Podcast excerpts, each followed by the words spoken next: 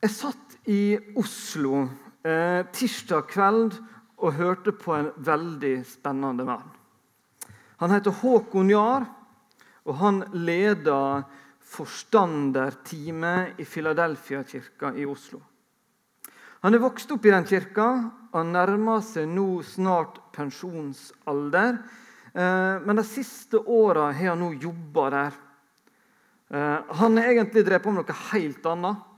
Han eh, tok over som skraphandler etter faren sin og har bygd opp et eh, stort firma som heter Norsk Gjenvinning, som han solgte for noen år siden og gikk inn eh, på fulltid i menighetsarbeid. Han fortalte litt om hele livshistorien sin og fortalte litt at han, han har vært en del av en tradisjon eh, som iallfall kanskje for noen av oss er litt uvant. Eh, og når han var 14 år, så tok han noe som han kalte noen livsbestemmelser. Eh, noe som skulle være sant i livet hans. Og så sa han at hvis han skulle endre på noe av det her, så skulle han tvinge seg sjøl til å måtte jobbe med den tanken en helt år før han hadde lov til å endre på disse tankene. Og Håkon altså, han var oppvokst der og, og gikk der i Filadelfia-kirka i Oslo. Eh, og det var tradisjon i hans familie. Der skulle han hver søndag. Det var en, en sjøl, en, ja, noe som var selvsagt for dem. Eh, det var også viktig, sa han, han var oppvokst i familien, at det skulle menigheten kunne drive det arbeidet de drev, så måtte det gis gave. Så når Håkon var så 14 år, så bestemte han jeg skal gå på gudstjeneste hver søndag, så sant jeg er i Oslo. Og jeg skal gi tiende av alt jeg tjener, til kirka. Det bestemte han seg for da, og det hadde han holdt. Vi som er her, kan, eh, kan, ha vokst opp i forskjellige slags tradisjoner, forskjellige sammenhenger, hatt ulike kulturer. For meg så har ikke det vært en, en tradisjon å gå til gudstjeneste hver søndag. Eh, jeg gikk på søndagsskole hver søndag når jeg var, eller annenhver søndag når jeg var, jeg var forholdsvis liten. Så i, i mange år så var ikke det noen selvfølge. Jeg gikk på møte. Ehm, men jeg vil si at det er ikke helt det samme. For det er noe ehm, med det å ha noen sånne faste ting. Noen tradisjoner som er bare Sånn er det. Ehm, og For meg har det vært noe som jeg må ha jobba med etter, ja, mer i, når jeg ble student og seinere. Det her med viktigheten av og behovet for noe som er fast. Jeg har også nevnt før her at jeg leste ei bok i fjor høst som heter 'Kunsten å forme livet'. Som snakker mye om det med gudstjeneste, det med å ha noen vaner. At vi rett og slett sparer oss for mye energi ved at det er noen ting som er bare sånn er det bare, og at vi skal slippe å måtte ta opp det til diskusjon eh, i vårt eget liv. En rytme i livet. I 1. Timoteus så sier Paulus jeg vil at du skal vite hvordan en skal ferdes i Guds hus som er den levende Guds menighet, sannhetens søyle og grunnvoll. Hvordan vi skal ferdes i Guds hus. Tenk at Det er et spennende bibelvers og noe spennende å ta utgangspunkt i. Jeg hadde tenkt at i kveld så skulle vi snakke litt om dette her. Hvordan er det vi ferdes i Guds hus som Guds folk? Vi har sagt 'velkommen heim'. Hvordan er det vi ønsker å ha det i denne heimen vår? Så Jeg tenkte egentlig at eh, denne her talen min i kveld det er aldri så lite sånn familieråd. Men, men, det er jo sånn i et familieråd så er det jo gjerne mer enn en, en som slipper til. da. Um, og da tenkte jeg at jeg snakk gjerne med de som sitter rundt deg. Eh, noen her inne, kanskje med en kaffekopp etterpå. Fortsett gjerne denne praten. Eh, jeg har ikke så masse fasit i det jeg skal si i kveld. Men jeg ønsker å sette i gang noen refleksjoner, rundt, eh, noen refleksjoner som vi kan tenke på og snakke om. Jeg har lyst til å begynne med noe litt grunnleggende. Eh, for det skjedde noe på slutten av 60-tallet. Da begynte, begynte, et aldri så lite opprør hos oss mennesker her i Norge. Eh, og En del tenkte at denne behovet for selvstendighet eh, det kom nok sikkert etter hvert til å, å gi seg. At vi så mer og mer behovet for å være eh, sammen og fungere sammen. Men det viser seg at det, det har det altså ikke gjort. Det har bare eskalert egentlig dette her eh, opprøret som begynte i 68-69. Og En kjent kar fra TV, Harald Eia, han har jobba litt med, med typisk norsk. Jeg må innrømme at Selv har jeg ikke fått sett så mange av disse programmene. Men, men det har gått en, gått en, serie på TV med, med Harald Eia der han går gjennom dette. her. Hva er det å være typisk norsk? Og Der har han egentlig kommet frem til en ting som kanskje ikke vi har tenkt å snakke om så mye før.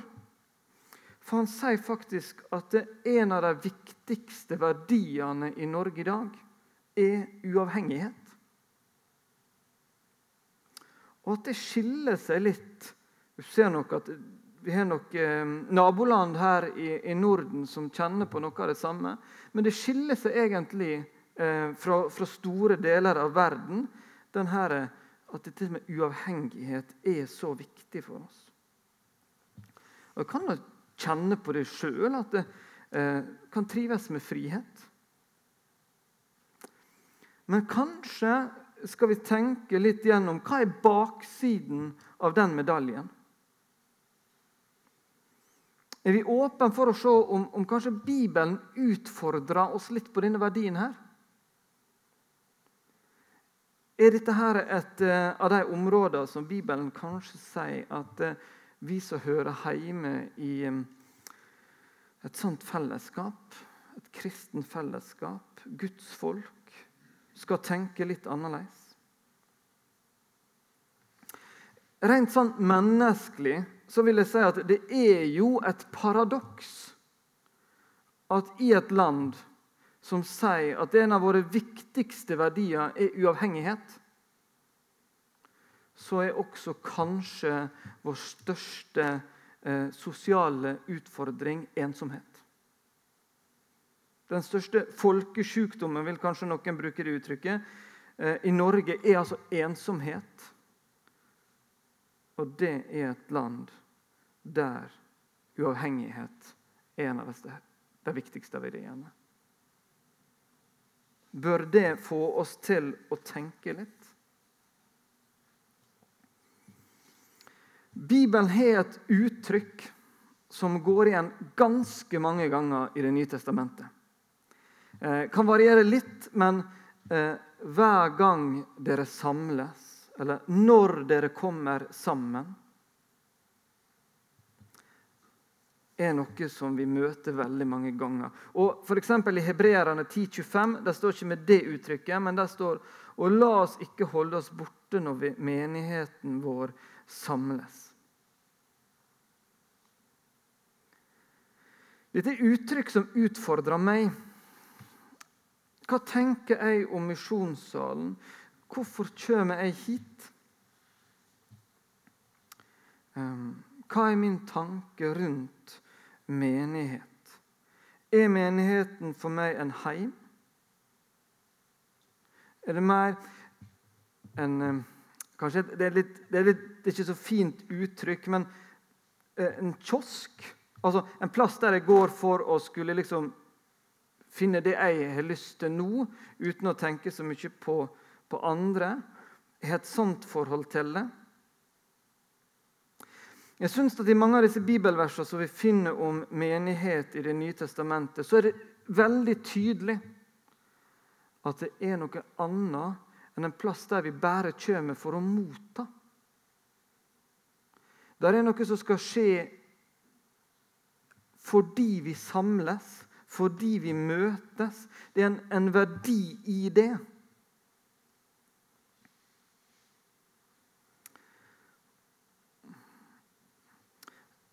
Vi sier av og til eh, 'mye vil ha mer'.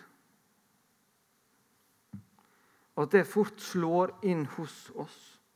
Eh, og kanskje gjelder det det her med friheten.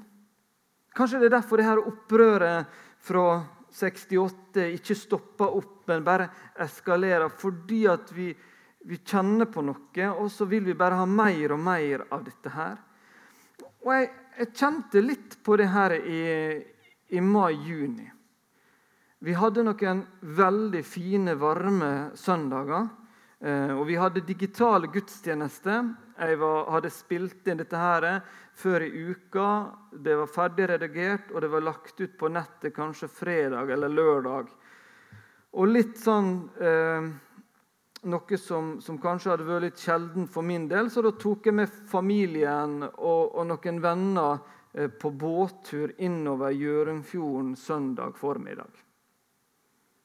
Og Jeg kjente at det, dette her var jo veldig deilig. Det var det. Eh, flotte fjell, blank fjord. Og det gikk fint an å tenke at det, det var litt deilig å bare ikke skulle møte en plass klokka ti, ikke skulle disse oppgavene Bare gjøre som jeg hadde lyst denne dagen. Kjenne på at det, det, det var noe godt med det her. Men hva, hva taper jeg?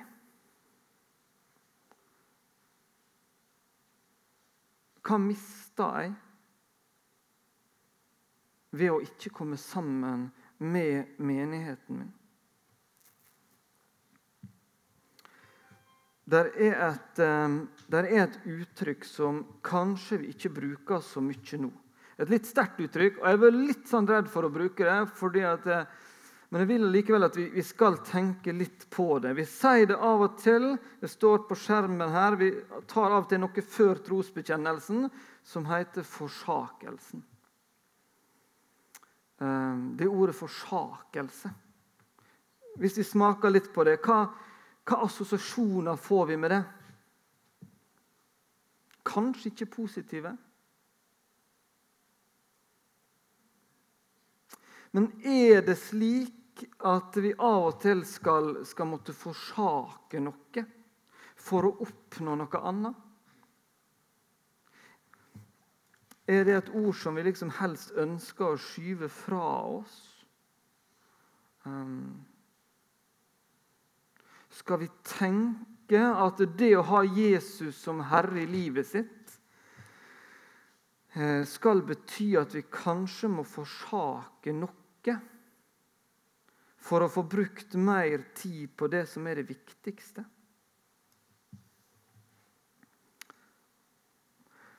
er vi så redde for å unngå noe.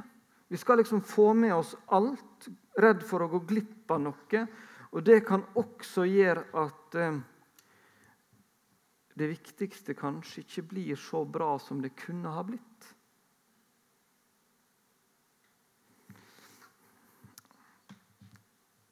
Jeg tror kanskje dere skjønner poenget mitt her. Eh, men det er altså en, eh, denne uavhengighetstanken, frihetstanken, som ligger veldig djupt hos oss. Det ligger djupt i hele vårt folk, i vårt land. Um, men hvordan skal vi tenke om det? Skal vi være villige til å betale den, den prisen um, som det medfører å ha mye uavhengighet i våre liv? Eller skal vi eh, tenke annerledes om det. Vi er Guds hus. Vi er hans husfolk, vi er hans familie. Vi er søsken. Vi er brødre og søstre.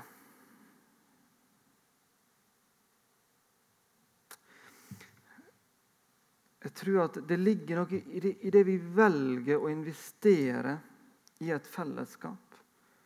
Eh, så blir det viktigere å komme sammen. Og det å komme sammen, sier Bibelen, er altså i seg sjøl en kjempeviktig verdi.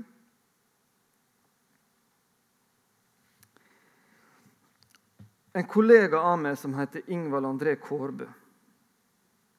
Um, han har bl.a. hatt bibeltimene på generalforsamlinga til, til, NLM. Um, han har kommet med en liten sånn definisjon, eller noen verdier, kjennetegn, uh, for det lokale fellesskapet. Uh, fire stykker som vi skal kikke litt på nå. Han snakker om at det lokale fellesskapet eller menigheten det er noe synlig. Det er noe vedvarende. Det er noe som er gjensidig forpliktende, og det er lokalt. Jeg skal kikke litt på, på disse her nå, tenkte jeg. Eh, synlig Jeg tenker at Det handler om et, om et valg. At vi velger å høre til noe og si at vi, vi hører til der. Jeg snakker en del om dette med, med, frihet, og at vi setter det veldig høyt. Av og til så kan vi mennesker tenke om den friheten på en slik måte at vi bruker den til å ta de valgene vi gjør, senest mulig. At vi velger å utsette og ta valg f.eks. om hva vi skal gjøre, hvor vi skal reise Sånn at vi ser hvor andre skal, eh, og tenker hvor er det jeg kan få mest ut av å, å, å gå eller være. Og så velger vi det mot slutten. Og tenker at det er frihet. Å kunne utsette valgene våre og kunne velge der vi tror at det er mest å hente. Men frihet og uavhengighet handler egentlig om noe annet. Det handler om å kunne ta et valg som du gjør fritt, som du sjøl kan ta. Men et valg som du velger å stå for og over tid, slik at du kan være med å påvirke der han er, der han går, der han er, er med. Slik at det kan bli det beste valget. At vi kan se litt det her som, som eh, to forskjellige ting.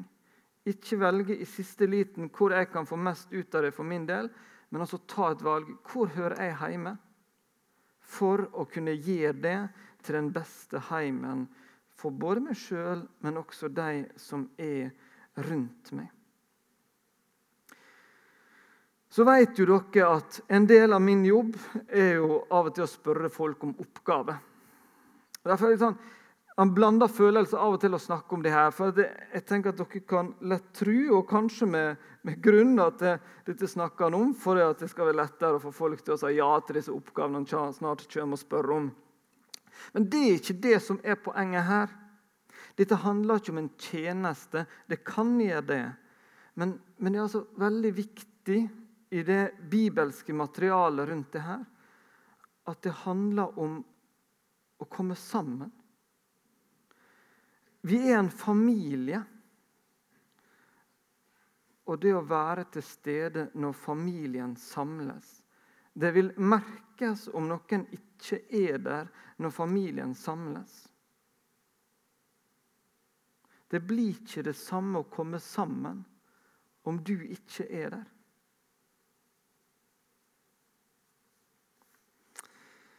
Så var det vedvarende.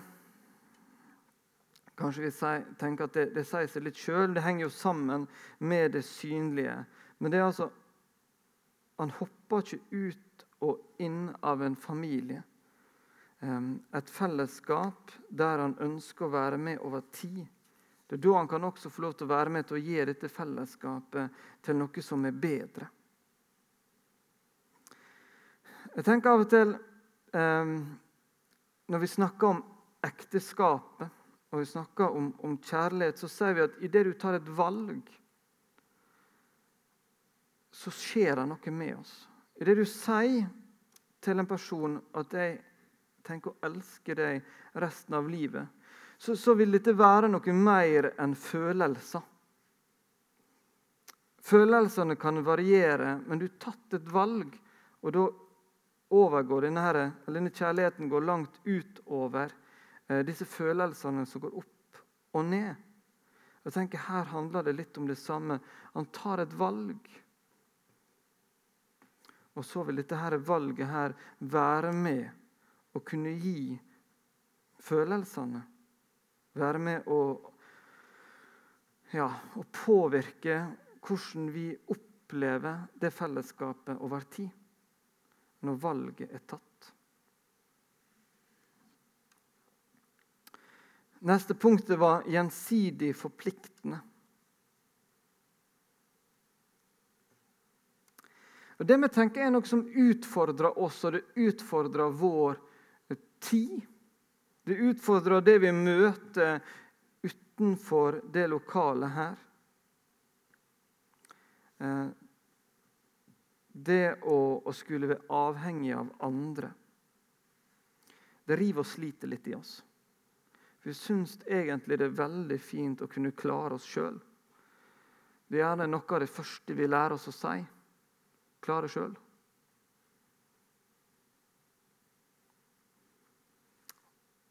Dermed går Bibelens budskap ganske på tvers av akkurat det. Hvis du søker på hverandre i Det nye testamentet, så får du 104 treff. F.eks.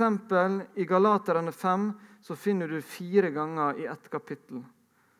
Og du finner flere kapittel der det står tre eller fire ganger.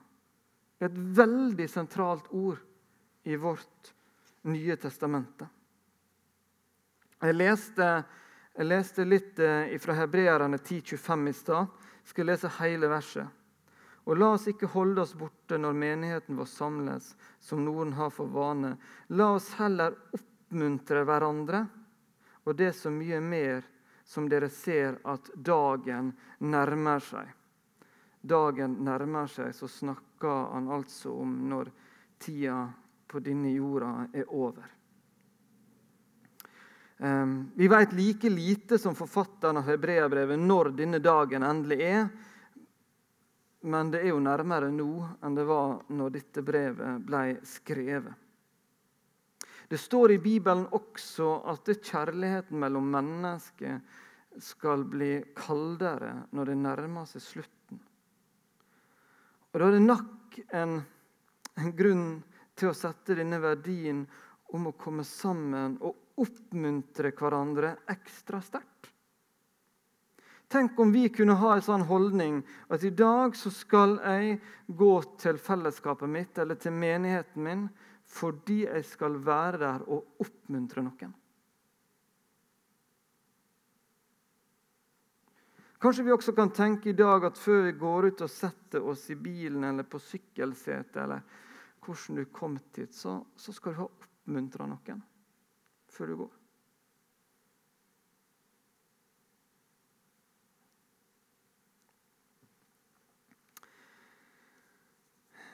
En annen ting med å være gjensidig forpliktende Noe vi, som vi også ser og er vanlig i vårt samfunn i dag, det er at vi, vi skal kunne uttale oss om mye. Um, og det er fint. Men samtidig skal det ofte veldig lite til før vi blir krenka.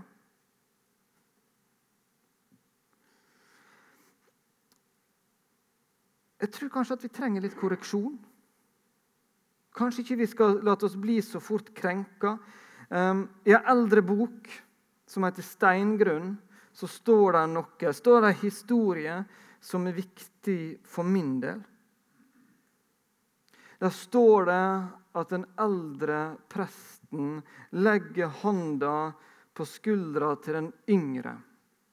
Så peker han utover bygda, og så sier han, 'Her er lærerne dine'.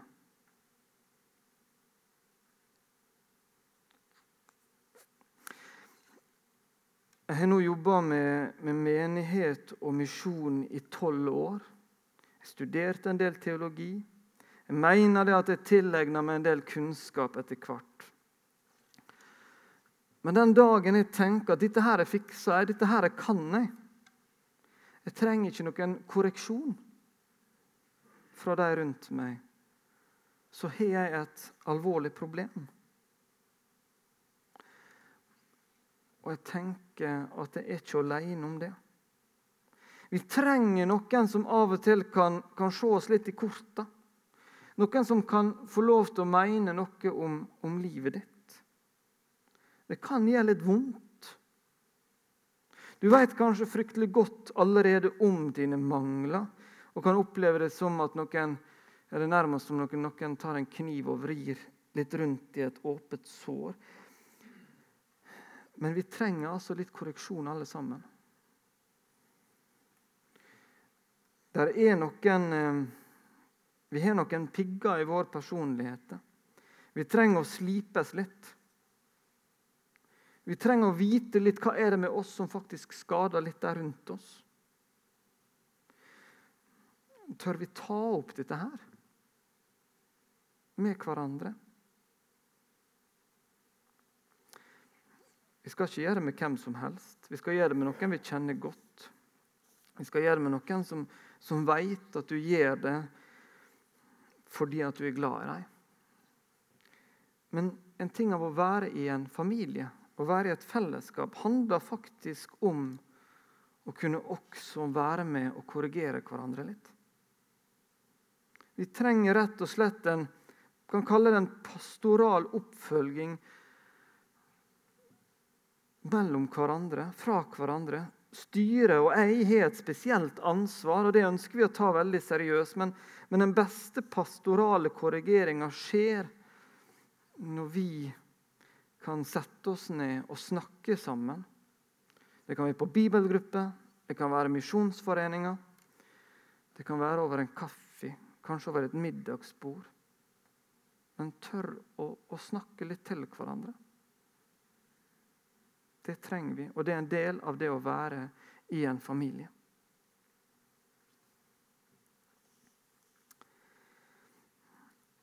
Det siste punktet, det var lokalt.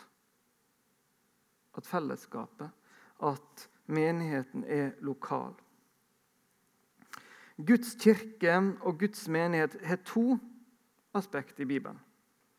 Det er den usynlige, verdensvide kirke og den lokale. I vår tradisjon og vår visjon, som er verden for Kristus, så er vi opptatt av det å være en misjonsorganisasjon. Vi er opptatt av å være med og bringe videre evangeliet, at den usynlige, verdensvide kirke skal vokse og komme videre. Det er noe vi gjør fordi at Gud har befalt oss om det. Og det skal vi gjøre. Når han har sagt 'gå derfor', så skal det få lov til å være tydelig og sterkt for oss. Men i dag har vi sett noen sånne her vers som trekkes fram om når dere kommer sammen. Det er også et befalingsaspekt i de ordene. Og Hvis vi deler opp litt det her ordet som heter medlem, og tenker med lem, så får vi altså fram et viktig aspekt av å være Guds husfolk. Vet dere ikke at kroppen deres er Kristi lem? står det i Romerne 12,5. For vi er lemmer på hans kropp, Efeserane 5,30. Slik kroppen er én selv om den har mange lemmer, og alle lemmene utgjør én kropp enda de er mange, slik er det også med Kristus fra 1. Korinterne 12,12. Vi utgjør altså et konkret, lokalt fellesskap. Vi er satt sammen for å utføre et oppdrag. Oppgaven å være der til og for hverandre er veldig sentralt i akkurat det her. Vi er lemmer på ett legeme. Og da går ikke det an å drive med solooppdrag. Jeg tror det er nå um, omtrent to år siden Arne Tord Sveinal var her og snakka om um, forskjellige typer fellesskap. Han snakka om Tok fram ordet arbeidsfellesskap. Um, en fellesskap som oss, en menighet som oss, kan fort bli det. At vi kan bli opptatt av alle oppgavene som skal utføres. Men vi er ikke først og fremst et arbeidsfellesskap. Vi er først og fremst et fellesskap til og for hverandre. Blir det å være sammen eh, for mye ork, så må vi sette oss ned og snakke sammen om vi har lagd oss for mange oppgaver som skal utføres. Da må vi gjøre noe annerledes. Det skal ikke være et ork når familien kommer sammen.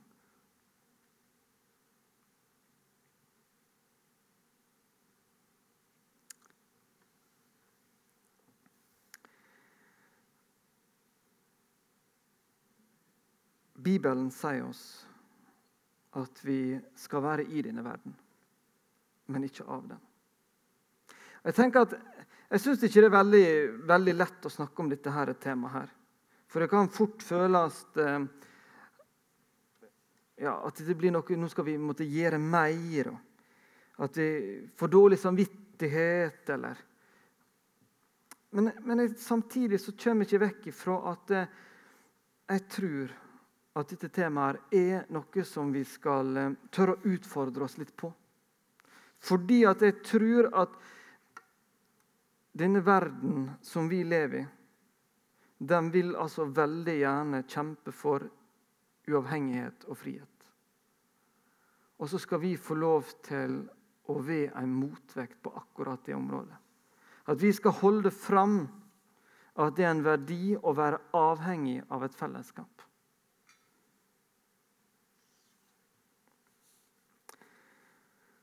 Håkon Jahr han eh, kunne si mye fint om Filadelfia-kirka. De har oppnådd mye der. Men han kunne også ta fram den sannheten at av de som var aktive i den menigheten da han var 14 år og tok disse her bestemmelsene, så er det bare 15% av de som går i kirka i dag.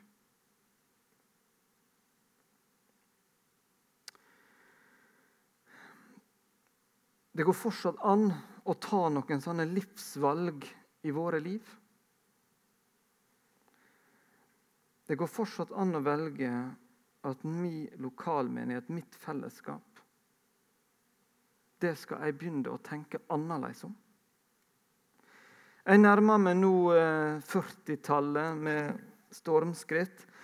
Eh, men mine valg for mitt liv kan fortsatt få konsekvenser. Akkurat nå så er jeg ansatt her. Eh, jeg kommer nok ikke til å være det hele livet. Så disse her valgene må være noe som går langt utover hvor jeg er ansatt. Så tenker jeg at illusjonen om at personlig autonomi er målet for livet, det er en illusjon som vi faktisk skal være med å knuse. Fellesskapet, en plass vi hører til en fellesskapet, en plass der det har en verdi bare å komme sammen. For vi er en familie. Amen.